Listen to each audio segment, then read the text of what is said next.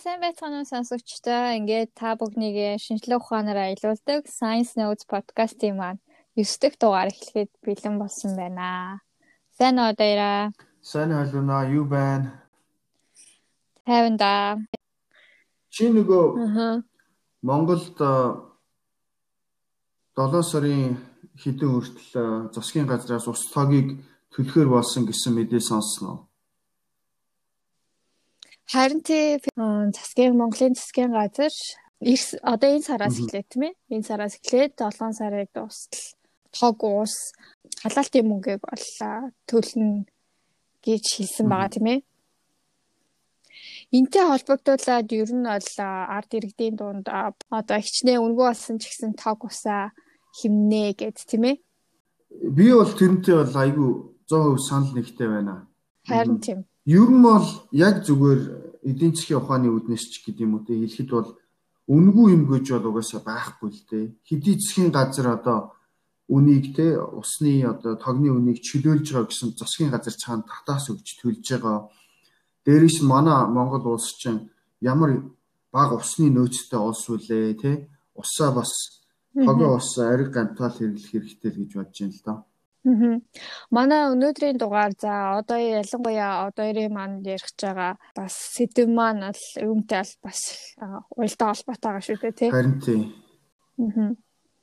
За одоо ир маань э, энэ удаагийнхаа дугаараар э, ямар сэдв ярих байгаа тий. За би болохоор э, climate change гэж ярьдаг тийм ээ. Дэлхийн цаг агаарын өөрчлөлтийн тухай ярина. За тэгээд дэлхийн цаг агаарын өөрчлөлт хамгийн гол Монголд яаж нөлөөлж байна? Жишээлбэл усан дээр яаж нөлөөлж ий те а дээрээс нь одоо малын бэлчээрч гэдэг юм уу хүний яаж амьдралтай холбоотойгоор яаж нөлөөлж ийн бэ ирээдүйд яаж нөлөөлөх вэ гэдэг талаар ярина. За халиуна маань ямар шийдэл бэлдсэн байгаа вэ? Аа.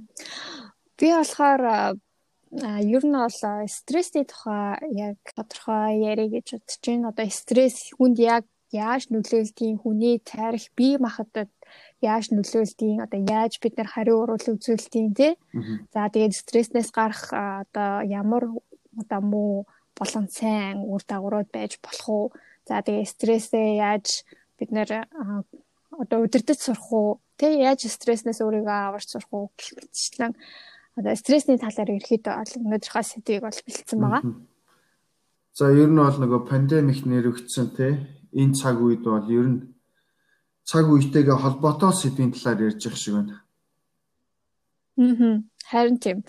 Тэгээд ер нь бол 9 дэх дугаар маань одоо Science Notes podcast-ийн маань 2020 оны сүүлийн дугаар болж гарч байгаа тийм ээ. Харин тийм. За 2-7 хоногийн дараа уулзгаараа а бид нэр 10 дахь дугаараа ярина. Тэр 10 дахь дугаар дээр болохоор 2020 онд шинжлэх ухаанд ямар ямар том нээлтүүд гарсан бэ? Ямар өөрчлөлт гарсан бэ гэдэг талаар ярих байгаа тийм ээ.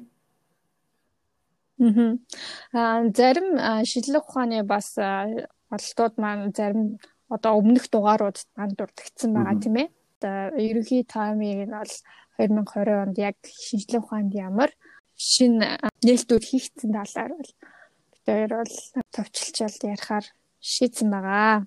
За за за тэгвэл хоёлаа дугаараа эхлүүлэх үү? За тэгье. Аха. За тэгвэл хоёлаа дугаараа одоо миний сэдв болох стресс гэж юу вэ гэдэг талаар хэлүүлэе гэж бодож байна. За тэгье. За за стресс гэхлээр бид нэр ер нь бол хүмүүс хүн болгон л одоо өдөр тутмын амьдралаас за тэгээд мэдээж хүний амьдрал те гинтийн өөрчлөл за тэгээд гинтийн аюул өөр ажилд орох, ажил солих, өөр газар руу нүүх гэх мэтлэн ингээд янз бүрийн стресс хүний амьдралд өдөр болгон тулгарч идэг тий. Тэмдэг ах уу? За тэгвэл стресс маань ямар ч байсан байнгын тийм уу зүйл юм уу гэхлээр үгүй. Ямар ч байсан стресс байж иж одоо бид нэр тухайн хэцүү нөхцөл байдлаас бол аврагдаж гардаг.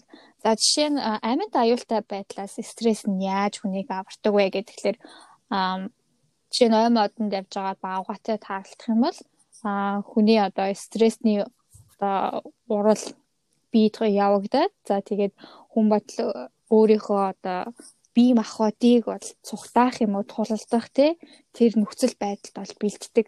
За жишээ нь бол энэ энэхүү юм аюултай одоо хүний амьд аюултай энэхүү нөхцөл байдалд бол За энэ үед болохоор тархины илүү хүчил төрөгчийг ашиглаж эхэлнэ. За тэгээд хүний биеийг ерөнхийдөө цогтох юм уу, тэмцэх үйл ажиллагаанд бэлддэг гэсэн үг л дээ. За тэгээд жишээ нь бол зүрхний цохилт хуурцсан, булчин шүрмэс зангирн, амьсгалын хуурт ихсэн гэх мэт. Flight and flee гэдэг үг өстэй тий. Тий, аха. Яг өөрийнхөө амийг бол стрессний тусламжтайгаар бол хүн өөрийнхөө бие махбодыг бэлдээд аварч гардаг гэсэн үг иймэрхүү хүн нөхцлүүдэд. За тэгвэл хүний амьд тулгааргүй тиймэрхүү нөхцлүүдэд стресс нь яаж хүнд одоо тусалдаг вэ гэхлээр жишээ нь. Ам одоо бид нэр тест ч өгөх юм уу шалгалт өгөх те эсвэл ингээд олны өмнө гарч илтгэл тавих гэх мэт нөхцөл байдлуудад одоо стресс хүний биед бий болж болсноороо одоо хүнийг бол баг зэрэг бол зоригжуулж өгдөг. За тийм болохоор ч одоо тестийг илүү амжилттай шалгалтаа өгөх ч юм уу эсвэл илтгэл амжилттай тавих ч юм уу тий Ямар ч байсан тодорхой хэмжээгээр стресс хүний биед нөлөөлж иж энэ хүл явдлуудыг өдөр тутмын хөө тохиолдож болох үйл явдлуудыг бид нар бол даван туулт юм байна. Чамд ийм одоо юу гэдгийг багвата тулгарна гिचээр ийм тийм сонин стресс тийм үе ч юм уу амин халтай тийм юм тохиолж ирсэн үү? Өө тэгэл багт зөндөө штэ нохооноос айжгүй гэл мэдгүй нөгөө нэг хашаад амар өндөр хашаад авцсан цаана гарцсан байдаг штэ яаж давснаа мэдгүй. Аа за за. За тэгвэл стресс нь болохоор төр зөрөө стресс гэж байна. За тэгээд богино хэмжээний давтамжтай стресс. За тэгээд нөгөө байнгын одоо стресс, ахыг стресс гэж бас байна. За тэгээд ахыг стресс нь бол хүний биед бол одоо сайн нөлөө үзүүлдэг. Одоо Жишээ нь бол архаг стресс нь бол хүний уурах тархины хэмжээг нь бол өөрчилж үйл ажиллагаанд нь бол өөрчлөлт оруулдаг. За тархинаас гадна бол э, архаг стресс маань болохоор дархлаа, нойр, за тэгээд хоол босруулах үйл ажиллагаа, зураг сүтсний үйл ажиллагаа, нөхөн өрчхийн үйл ажиллагаанд бол одоо балансыг нь алдаг, тохиргоог нь алдагдуулж одоо янз бүрийн байдлаар нөлөөлдөг гэсэн үг. Аа Тэгээд хамгийн сонирхолтой нь стресс маань одоо би бол энд бол яг chronic stress буюу архаг стрессний талаар ярьж байна л да нөгөө нэг байнгын стресс нь байдаг тий. Байнгын стресс нь байснараа энэ хүү стресс нь хүний биед яаж нөлөөлдөг талаар.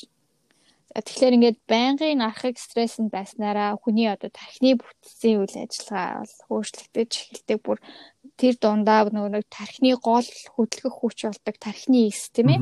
За тэгээд тархины эсийг гол хүч хөтлөх хөдлөх хүч болж идэг ДНХ. Одоо бид нар ДНХ-г бол өмнөх дугааруудаар айгүй их ярьсан байгаа тийм. Бүр ДНХ-д хүртэл очиж өөрчлөлт оруулалт оруулдгаараа архаг стресс нь бол үнэхээр аюултай байдгийм байна. Нөгөө тийм судалгаанууд зөндөө гарсан байл шүү дээ. Сүүлдээ нөгөө одоо жишээлбэл өвөг дээдсэн тийм стресстэй бол нөгөө ДНХ нь одоо үе удамд нь үлдээд тэр хүүхдүүд нь бас тийм стресстэй төрдөг ч юм уу амьдралдаа тийм сэтгэл хангалуун бус төрдөг ч юм уу тийм гэж. Харин тийм тэгээд үнэхээр дийнхэд хүртэл өөрчлөлт хүртэл одоо өөрчлөлт оруулж ийн гэдэг бол бас миний хувьд үнэхээр юу нь бол аюу аюултай сонсогдож байгаа байхгүй юу? За тэгвэл э, ямар ч үсэн стресс хүний хүн хүний бие ингээ стрессийг мэдрээд эхлэхээр одоо тархинд за тэгээд бас буурны дээд болчирхаанд бол дааврууд ялгарч эхэлдэг. Одоо энэ хүү стрессэнд хүний биеийг бол бэлдэж эхэлж ин гэсэн үг л дээ.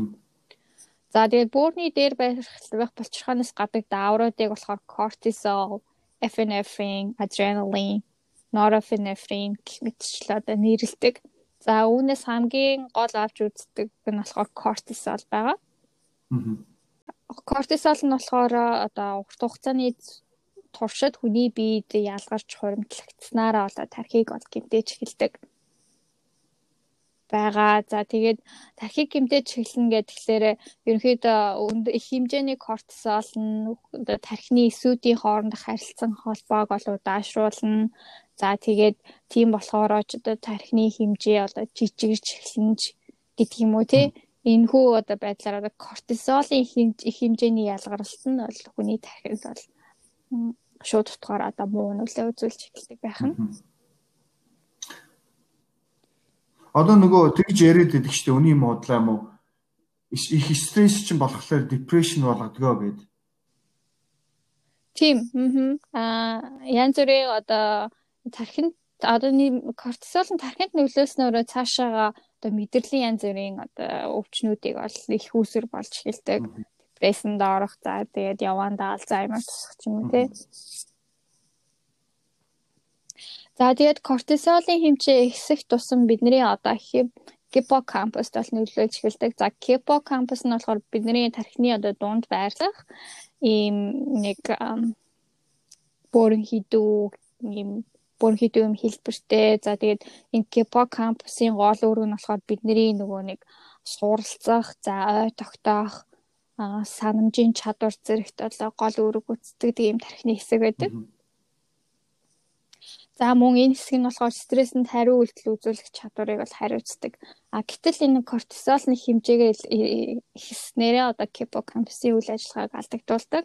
Өөрөөр хэлбэл архаг стресséнд одоо автах тусам хүн одоо өөрийнхөө стрессийг бол стрессийг удирдах чадамжаа алдаж эхэлдэг гэсэн үг л тийм. За бас хамгийн их одоо кортизолын хамгийн их нөлөө үзүүлдэг хэсэг болохоор тархины урд хэсэгт бас нөлөө үзүүлдэг одоо урд тарих гэж ярьдаг. Өөрөөр одоо prefrontal cortex буюу одоо урд тарих нь бас кортизол нь хэмжээ нь бол их хэмжээгээр бол ялгарснараа бол нөлөө үзүүлж эхэлдэг. За гэтэл энэ урд тарих нь бол бидний гол зам байдлыг бол удирцж идэг юм тарих байдаг. За тэгээд одоо зам байдлаас гадна анхаарал хандуулах чадвар, шүүх, шийдвэр гаргах тий бусдад харьцах чадвар зэргийг бол удирчдаг юм гол хэсэг байдаг юм ээ. Тэнд нь нөлөөснөөр одоо ууртай ч юм уу, уцаартай, төргийн замтай энэ төр болно гэсэн үг үү тий? Тий, аха, одоо энэ хүү одоо шийдвэр гаргах чадвар мууддаг ч юм уу тий, анхаарал хандуулах чадвар мууддаг ч юм уу. Гэх мэтчлээ одоо стрессний ахыг стрессний одоо муу үйл ажиллагаа нь эндээс харагдана гэсэн үг л дээ. За тэгээд мөн бас одоо кортизолын хэмжээ гэснээр гиппокампус дэх тархинысын үйлдвэрлэх хэмжээ нь бас багасдаг юм байна. За тэгээ тийм болохоор ч бид нэр одоо суралцах чадвар маань муурдаг, санах ой чадвар маань ч бас мууддаг. Одоо хит их стресséнд орснороо тий. Стрессээс стресс тайлах одоо ямар аргууд байна? Тэр талаар судлаа. За стресс тайлах хамгийн гол арга гэх юм бол одоо тасгал хөдөлгөөн хийх тэгээд йогоор хичээллэх буюу одоо бясалгал сайн хийх. За энэ бясалгал хийх за тэгээд тасгал хөдөлгөөн хийх энэ хүү үйл ажиллагаанууд маань гол нь нөгөө нэг хүний амьсгалах, гүнзгий амьсгаа авах авахыг бол илүү биенээ шаардж идэг.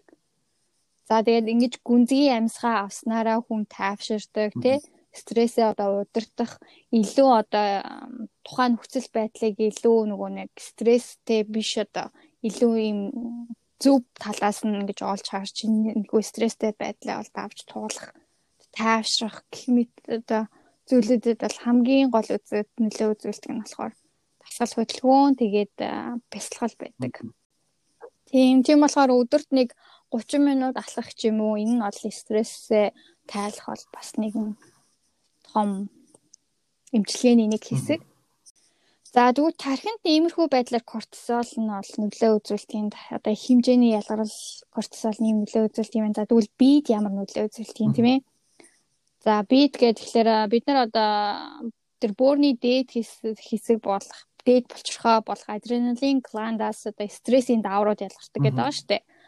Кортизол, эпинефрин, адреналин норонефрин гэсэн. Эдгээр нь болохоор цусны эргэлтэнд орно. За тэгээд цусны эргэлтэнд ороод зүрхэнд очдог. За адреналин болохоор зүрхийг илүү хурдан цохиход нөлөөлдөг. Бөгөөд одоо цусны дагалтыг бол ихсгдэг. Аа тэгээд их хэмжээний кортизол нь одоо эндотелиум гэж яригддаг цусны сусныг цусны судасны дотор хаана штэ. Тэрний үйл ажиллагааг нь бол доголдуулд юм байна. За тэгээд доголдуулснараа одоо хүний цусны артерт бол колестерол ихсэх үндсэн суурь болдог. За колестерол хүний артерт ихснэ гэдэг чинь нөгөө нэг цусны урсах загмыг нь бол хааж бүглэж өгч гин гэсэн үг шүү дээ. Колестерол үүснэ гэдэг чинь. Нөгөө даралт ихсэх энэ төр бас нөлөөлнө гэсэн үг тэгэхээр. Тийм тэгээд э, энэ маань явандаа дамжих юм бол одоо зүрхний шийтээс болох тий харуулт үүсэх тийм нөхцөл байдлыг бол бий болгож идэг. За тэгээд э, бидний тархич нь одоо хүний одоо биеийн бүхэл үйл ажиллагааг хариуцаж ажилдаг чухал эрхтнүүдийн нэг шүү дээ тий. Гэтэл тархи маань стресséнд орж орж мэдэрснээсээ хойш одоо энэхүү мэдээллийг болохоор хоол шингээх систем бас мэдээлэл өгч идэг. Одоо би ингээд стресséнд орсон байх шүү, стресséнд орчлоо гэдэг мэдээллийг тий. Тэгээ ийм учраас одоо стресséнд орсон үед одоо хүмүүсийн ходоод өвддөг. Аа тэгээд тарих болон хоол боловсруулах системийн хоорондын холбоо нь одоо хоол хүнстэй бидний бүдүүн нарийн гэцэр боловсролдод доошлох үйл явцыг бас удаашруулдаг гэсэн. За тэгээд одоо хүний ходоод нь хүчил ихсэн.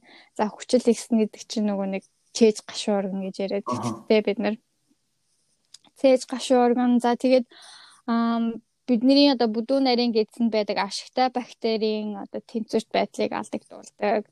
За ер нь тэгэл ерөнхийдөө бол хоол боловсруулах систем доголдолд ордог гэсэн үг л дээ. За тэгээд хоол боловсруулах систем чинь хүний биеийн эрүүл мэндийн одоо хамгийн гол систем байдаг шүү дээ. Бид нар хоол боловсруулах системээр дамжуулаад шим тэжээлээ авч идэг. Гэтэл энэ гол энэ систем маань одоо доголдолд орно гэдэг чинь хүний ерөнхий биеийн эрүүл мэнд маань одоо муугар нөлөөлөд нөлөөлөд эхэлнэ гэсэн үг л дээ. Тэгээд зарим хүмүүс чинь бүр стресс тэгэхээр бүр хитрхи их хоол идээд зогсгоо мэдэхгүй идээд идэм байл шүү дээ тийм. Зарим нь болохоор бүр идэхэ болчдөг ч юм уу. Харин тийм кортизол нь болохоор нөгөө стрессэнд ороод кортизол илүү ихээр ялгараад ирэхээр хүний биед нөгөө нэг одоо аюултай байдал байна. Биднэрт энерги илүү хэрэгтэй байна гэсэн мэдээллийг өгөөд эхэлдэг гэсэн үг. Тэгээд энерги хүний бие энерги нэхнэ гэдэг чи одоо хоол хүнс илүү их идэхийг эрмэлцснэ гэсэн үг. Тийм болохоор ч одоо стрессэнд орохоор хүмүүс нөгөө нэг илүү одоо янз бүрийн калорихтэй ялангуяа калорихтэй бүтээгдэхүүн илүү идэх идэх хэрмэлцэлтэй байдаг шүү дээ. Зайрн гидэ гэж. Тэгээд ойлоо суудаг шүү дээ. Ноутбук кино үзэл. Чи ямар сайн мэдчихэ. Туршлага байна л та. Тэгээд хувийн бодлого. Ямар ч гэсэн тэгээд бургер, френч фрайс ч юм уу те. Тиймэрхүү хоол идэл э, харин тий чиний илтгэр тэгэл үйлэл содог. Ямар ч гэсэн кортизол тэгээд энэхүү одоо хэмжээгээр орчсон калоритыг бол өөхөн давхраг болгож хувиргадаг. За тийм болохоор хүн ингээд стресséнд ороод идээд эхлэхээр одоо жин илүү одоо илүү дэлжинтэй болох магадлал нь бас ихсдэг ч гэдэг юм уу те хурдан байд. Аа. За ганц одоо хоол боловсруулах системд нөлөөлөхгүй бас мөн хүний тархлааны систем нөлөөлж эхэлдэг. За тэгээд энэ хүү стрессийн дааврууд нь бол тархлааны эсүүд эсүүдэд бол нөлөө үзүүлээд үйл ажиллагааг нь сулруулдаг. Тийм болохоор одоо стресséнд орсон үедээ хүний бие бол илүү нөгөө нэг янз бүрийн бактери, вирус нь эмзэг болж эхэлдэг. За тэгээд үүнээс гадна хэрвээ янз бүрийн одоо бактери, вирусээр өвчлсөн тохиолдолд үүний эдгэрх явц нь бас нэлээд удаашрдаг одоо энэ гол энэ стресснээс үүсэж байгаа энэ даавруудын үйл ажиллагааны улмаас. За тэгээд жишээ нь болохоор одоо их архаг стрессэнд орсон хүмүүст бол илүү нүрэн дээр нь батга гарах тий ус унах, толгоо өвдөх, булчин сулрах, за тэгээд анхаарал төвлөрөх чадвар муудах, ядрах, хүүртэ болох гэх мэт шинж тэмдгүүд аль илэрдэг. За тэгэхээр ер нь бол стресс нь бол бас Үнэхээр стрессийг бол удирдах сурах нь хамгийн зөв зүйтэй арга юм а. Тэ өөрийгөө эрүүл байлгахын тулд яа биднэрт одоо байнгын л өдөр тутмын юм стресс байж идэг тий байнгын л тохиолдож идэг. Тэгээ хамгийн гол зүйл нь бол бид нар энэ стрессийг бол зохицуул сурах хэрэгтэй. За зохицуул сурна гэдэг чинь бид нар анх бид нар бол зарим хүмүүс бол стресséнд орсноо ч мэдэхгүй явж идэг тий. Тийм болохоор хамгийн түрүүнд бол өөрийгөө аягүй сайн ажиглаж сурах хэрэгтэй. За одоо би амархан уурлаад байна уу те? Би ядарч гин үү? Би ер нь ирч хүчгүй юм шиг өөрийгөө мэдэрч гин үү? Би одоо депрессэнд ороод байгаа юм шиг байна уу? Нойрондоо муу байна уу гэмэд эхлээд өөрийнхөө биеийн одоо реакц биеийн ургалуудыг өөрийнхөө байдлыг маш сайн хянаж стрессэнд орсон үгүй гэж тодорхойл сурдаг байх хэрэгтэй. За тэгээ үүний дараагаар бол тасгал хөдөлгөөн хийгээд тэр стресс үүсгээд байгаа асуудлыг шийдэж одоо зөв эрүүл ухаанаар харж тэ түүнийгээ даван туулахад бол өөрийгөө бясалгаж ингэж бэлддэг байх хэрэгтэй. Тэгжиж одоо стресстээс бол өөрийгөө стресс биднийг идэхээс өмнө бид нар эхлээд стрессийг бол гартаа оруулж удирдах авч явж сурах хэрэгтэй гэж бодож байна. Ааха сонирхолтой сэдв байна. Ер нь их чухал хэрэгтэй сэдв байна. Ялангуяа одоо энэ коронагийн үеэр бол маш олон хүмүүс одоо стресс нь бид нар бол нэлийн стрессэнд орж ийн те одоо карантинлэгдэж ийн маш олон оногоор энэ маш олон одоо бизнесүүд хаагдж ийн орж гарч болохгүй байна дасгал хөдөлгөөн хийж болохгүй байна. Хооч хоочин амьдралын юм аяг өөрчлөгчөөд байна тийм ээ.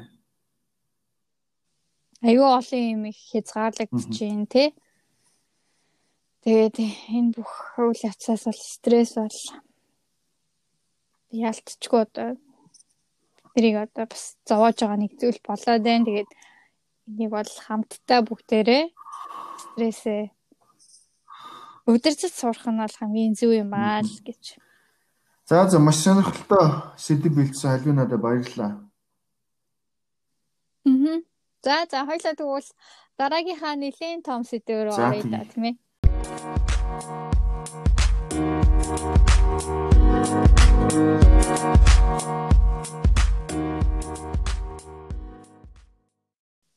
За би болохоор өнөөдөр э, climate change гэж ярьдаг тийм ээ дэлхийн цаг агарын өөрчлөлтийн талаар ярих гэж бодсон. За тэр тусмаа за энэ цаг агарын өөрчлөлт нь Монголд яаж нөлөөлөх вэ? Яаж нөлөөлж байна вэ?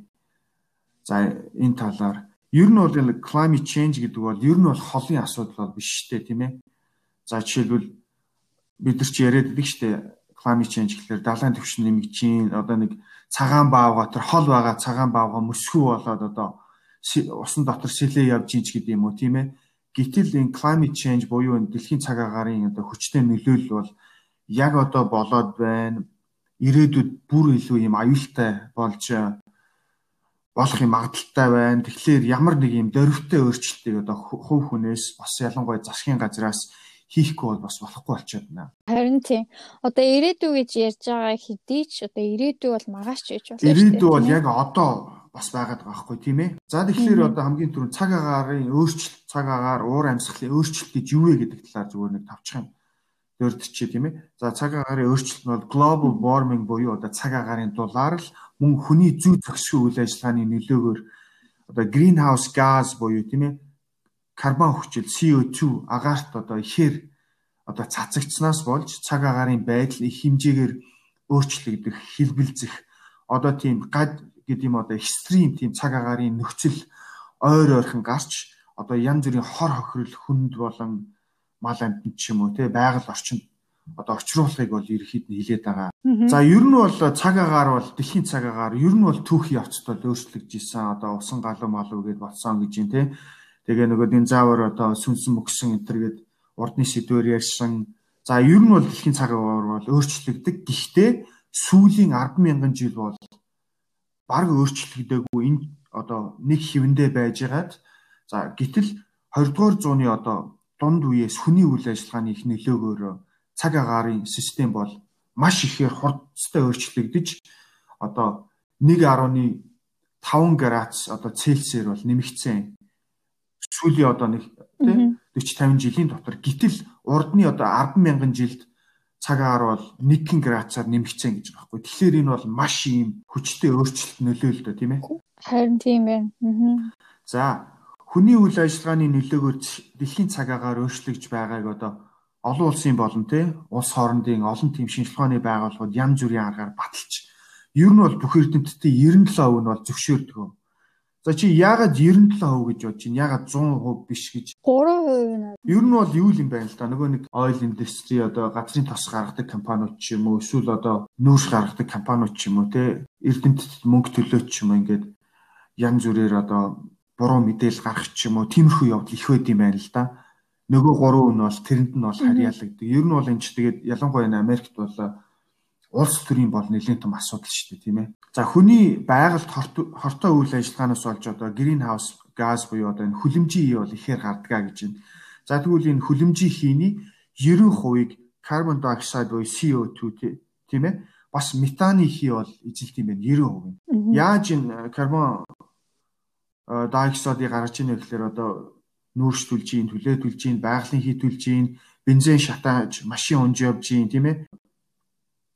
Газар тариалангаас болж за жишээлбэл модгүйжүүлэх ч юм уу те бас үйлдвэрийн янз бүрийн замаар ийм бол хийг бол ихээр бол гаргаж байна. Бид нэр зүгээр хүчил төрөгчөөр амьсгалаад нүрс хүчлийн хийг бол гаргадаг шүү дээ. Тэгэлгүй яах вэ? За зүгээр ингээд жамаараа ингээд зөвхөн амьсгалаад CO2 гаргаа явж байгаа бас яах вэ? Гэтэл эн чинь асар хэмжээний хий одоо грин хаус газыг бол үйлдвэрлэж шүү дээ. Одоо нөгөө органик бус гэдэг юм аа нөгөө байгалийн бус жамаар тийм ээ. За тэр тэрний илүүдл бол асар ихээр нэмэгдсэн сүүлийн 50 жил. Байгалийн одоо дулаан тий температур бол асар ихээр нэмэгдэх эсвэл ингэж хилбэлцэх доор хүчин зүйлээс бол болдгоо. Жишээлбэл цагаан өнгөтэй юмны зүйл багаснаа гэж. Жишээлбэл одоо хоёр туйлын мэс багасж гин.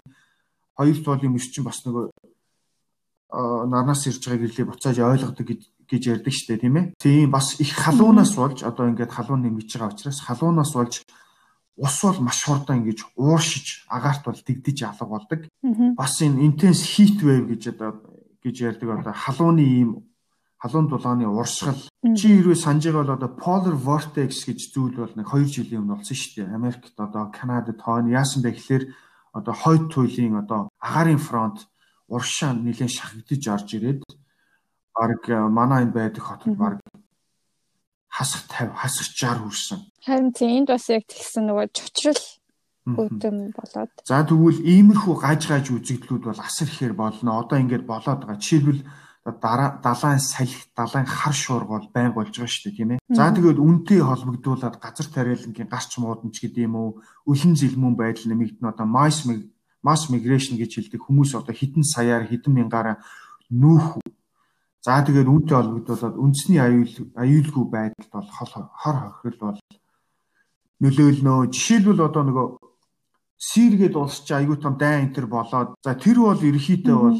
climate change одоо байгалийн дулаартай холбоотой гэж байгаа байхгүй. Жишээлбэл одоо ингээд сүүл судлаад үзсэн чинь тариачч гэдэг юм одоо хөдөөний одоо газар тариал мал аж ахуй дээр суурилдаг хүмүүс нь байгалийн дулаарлаас болоод цаг уурын өөрчлөлтөөс болоод амь зуух арга нь одоо багасаад ирэхлээр одоо засгийн газраа буруутгах ч юм уу. Одоо ингээд одоо social unrest гэж хэлдэг одоо янз бүрийн одоо бослох хөдөлгөөн дайн ингээд нэмэгдсэн одоо ингээд тэр бослох хөдөлгөөн нь одоо хүртэл ингээд болоо явж байгаа шүү дээ тийм ээ. Ер нь бол дайн иргэний дайн мэн гаргахч тийм аюултай гэсэн. Тийм ер нь анханасаа ингээд болоод явж чинь жишээлбэл одоо Египтэд бас болж гин одоо Сирд боллоо гэж чинь жишээлбэл Монголд ийм өлсгөлэн болвол яах вэ? Тэгэхээр хідэн сая одоо хүмүүс урдаас ч юм уу хойноос ч юм уу нүүж орж ирүүл яах вэ тийм үү? Энэ байдлыг бол дэлхийн засгийн газрууд бол ойлгоод Paris Climate Accord гэдээ бол сонсч ирсэн шүү дээ тий.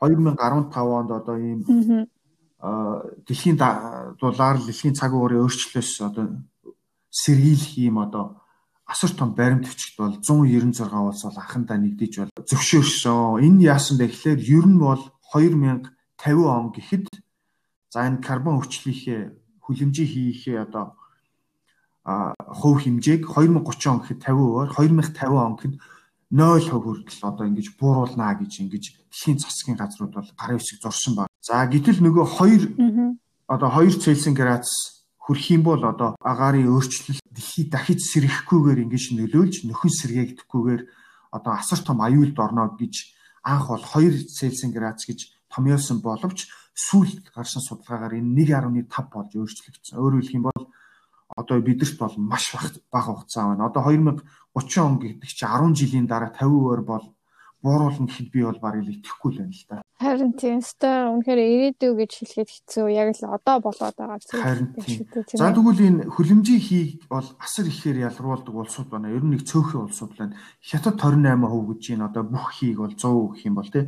Америк 14, Европын улсууд бол 10%, Энэтхэг 7, Орос 5 гэх мэтэр Монгол улс бол 0 мянганы 5%-ийг л гаргадаг юм байна. За ялангуяа хятад энэтхэг гэдэг улсууд бол ялангуяа одоо нөгөө сэргийлт эрчим хүчний одоо одоо салхиар те далайн давлгаа гарч идэм юм уу эсвэл одоо нарны эрчим хүчээр одоо сэргийлт эрчим хүчийг одоо гаргах тийм тал руу бол асар ихээр явж гин. За тэгээд Tesla энтергээр компаниуд одоо машиныхаа үнийг бол бууруулж гин одоо карбон хүчил гаргадаггүй ийм одоо технологиудыг бол ихээр нэвтрүүлж байна. Гэтэл за Америкийн нэгдсэн улс бас тэхгүй байна тийм ээ одоо Трампаас болж ч гэдэг юм уу. Ер нь бол Трампаас болоод энэ хүү Парисын гэрээнээс бол гарсан байсан шүү дээ тий. Одоо зод нэгдэх хэсэг бол чиний ерхийлэгч. За шир ерхийлэгч бол нэгд нэгдсэн байгаа. Тэгээд эрх жилээс бол ингээд нэгдээд арай нэг эмх зэгцэндээ ороод явах байлгүй л гэж бодож штэ. Энэ дэлхийн цаг угаарын нөлөөлөл өөрчлөлт Монголд яаж нөлөөлөх вэ гэж.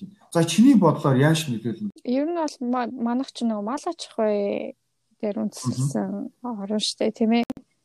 Тэгэхээр бэлчээр малын бэлчээрд бол асуудал гарах болов гэж бодож байна. Тэрэн дагаад одоо махны ч юм хүнсний хомсдол бий болно тий. За тэгвэл US гэдэг USAID гэж одоо Америкийн засгийн газрын судалгааны том байгууллага байдаг хөрөнгө оруулалт Монгол 3 дахь орнууд гэж ярьдаг шүү дээ тийм ээ. Тим улсууд бол асар ихээр судалгаа хийдэг хөрөнгө оруулалт хийдэг ийм одоо газраас а Монголыг бол тодорхойлохдоо Ер нь бол хүн амын 40% нь мал аж ахуй болон газар тариалантай холбоотой ажил хийдэг.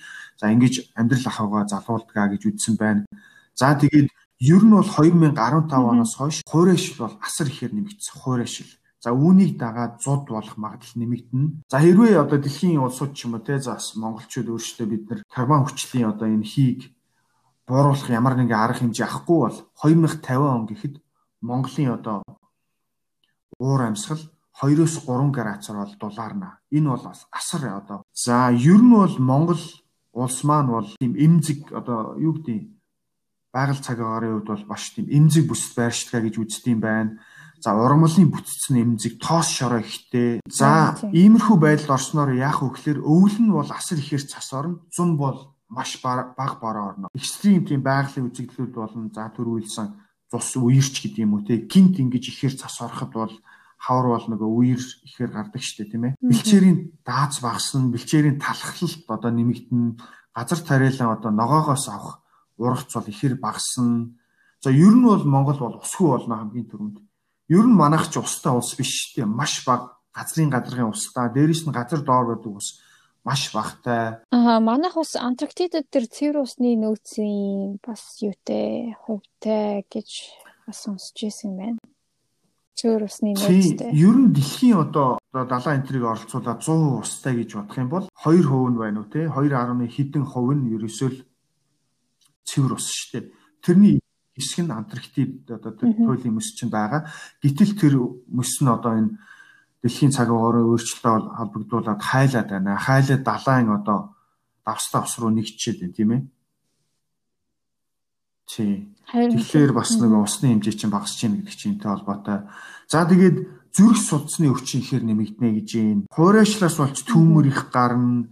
Урд өмнө байгаагүй одоо нэм бактери ихээр ихсэн одоо дулаарна гэдэг чи янз бүрийн одоо урд өмнө байгаагүй өвчин ихээр гадна. Одоо коронавирус гээд гараад ирлээ. Урд өмнө сонсогдоогүй ийм өвчин гарвал одоо яах вэ тийм ээ? Тийм манай монголчин бас нөгөө өвөлдөө хит хүүтэн байдаг учраас янз бүрийн одоо нэм бактери тухайн үедээ устдчихдаг бас яригадаад байдаг. Штэ тий. Гэтэл дулаарснараа одоо энэ нэм бактерийн үүсгэх одоо амьдрах нөхцөл байдал нь харин одоо тэгээд ер нь л их л аюултай байдалд ороод байна. Аль хэдийн орчоод байна л да. За тэгвэл ер нь бол одоо ингээд жоохон пессимистик ч гэдэг юм уу те одоо муу талаас нь бодох юм бол ялангуяа энэ саяны ярьсан том улсууд одоо ер нь бол 2100 он гэхэд бол ер нь бол дэлхий бол одоогийнхоос шаал өөр баг усгүй те. Одоо ингээд чи тийм кино үзсэн нөгөө Sir David Attenborough-гийн сүүлд хийсэн зөгнөж 2000 100 он гэхэд бол ийм болно гэсэн. Ер нь одоо бараг л Марсын одоо Марс дээр амьдарч байгаа юм шиг л одоо тийм хэцүү байдалд орно гэд прогноз бол хийсэн байлээ. Хэрвээ одоо карбон диоксидынхаа хэмжээг бол багасгахгүй бол тий. Аа. За жоохон тийм стресстэй мэрч үү тий. Том стресстэй. Дугаар болж байгаа шүү. Тэгвэл бид нар одоо юу хийх вэ?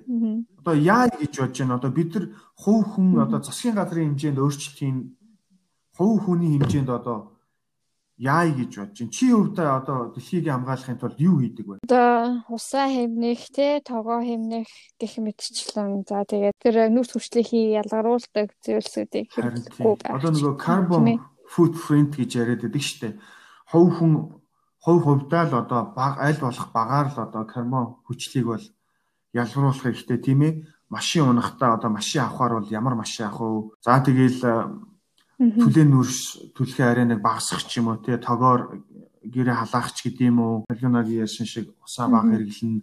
За тэгэл ямар хоол хүнс идэхгүй гэдгээ өөртөө бас бодох хэрэгтэй шүү дээ. Одоо нөгөө дэлхийн цагаагаарын нөлөөллийг бас багасгах бас нэг арга бол мах баг идэх хэрэгтэй гэж хэлээд байгаа тийм үү тийм шүү дээ нөгөө нэг махны үйлдвэрүүд ч бас хамгийн том юм үсвчлэхийг үүсгэж байгаа. Харин бас нөгөө урд нь бас ярьж байсан шүү дээ тийм ээ. Ер нь бол айлууд бол байшингийнхаа ч юм уу те дээврийг бол цагаанаар будаач гэдэг юм уу. Тий цэнэглэгч энтрий одоо ингээд гэртээ ингээд нэг залгаад орхисон байдэн шүү дээ одоо юма цэнэглээг бол тэр тохиолдол жишээл бол 3% тог идгээч гэдэг юм уу. Тэрийг яаж салгачих хэрэгтэй ч гэдэг юм уу. Ер нь ингээд засгийн газрын хувьд за тэгвэл бид нар ч гэсэн хувь үндэ бас ингээд карбон футпринт гэдгийг бол багасгах хэрэгтэй л байна та тийм ээ. Харин тийм хувь хувьтай хамтдаа хичээж ийж одоо дэлхийг аварч үлдэнэ. Тэгэхгүй бол одоо нэг л өдөр одоо дэлхийдээ хамтдаа Харин тийм дэлхийн амьдрал бол ерөөхдөө бол гайгүй ингээд үлдэх байх юм бактери ч гэх юм. Гэтэл энэ хүн төрөлхтөн гэдэг маань бид нар өөрсдөө ингээд устдах аюулд хөрх магадaltaй болчиход байна. Одоо ингээд анханасаа ингээд горын намсаад явж штэ тийм ээ. За за ер нь бол миний өнөөдрийн сэдв бол нэг иймэрхүү стресстэй, депресстэй сэдв байлаа да. Минийх ч бас стресстэй сэдв байлаа. Тэгээд ямар ч байсан тодорхой хэмжээний мэдээлэх зорилтойгоор энэ хүү дугаараа бэлтгэж сонсогчтой хүргэж байгаа гэдгийг манай сонсогчд маань ойлгож байгаа ах гэж найдаж чинь тэгээд дугаарынхаа энэ төгсгөл хүртэл хичнээн стресстэй сэдвүүд байсан ч гэсэн одоо сонсож А дугаартаа хамт байсан нийт сонсогчдаа маш их баярлалаа. Баярлалаа. Ингээд дараагийнхаа дугаараар уулзлаа. Түр баяртай сонсогчдоо. Дараа жил уулзлаа. Баяртай сонсогчдоо. Харин тий дараа жил тийм ээ. Дараа жил уулзъя сонсогчдоо.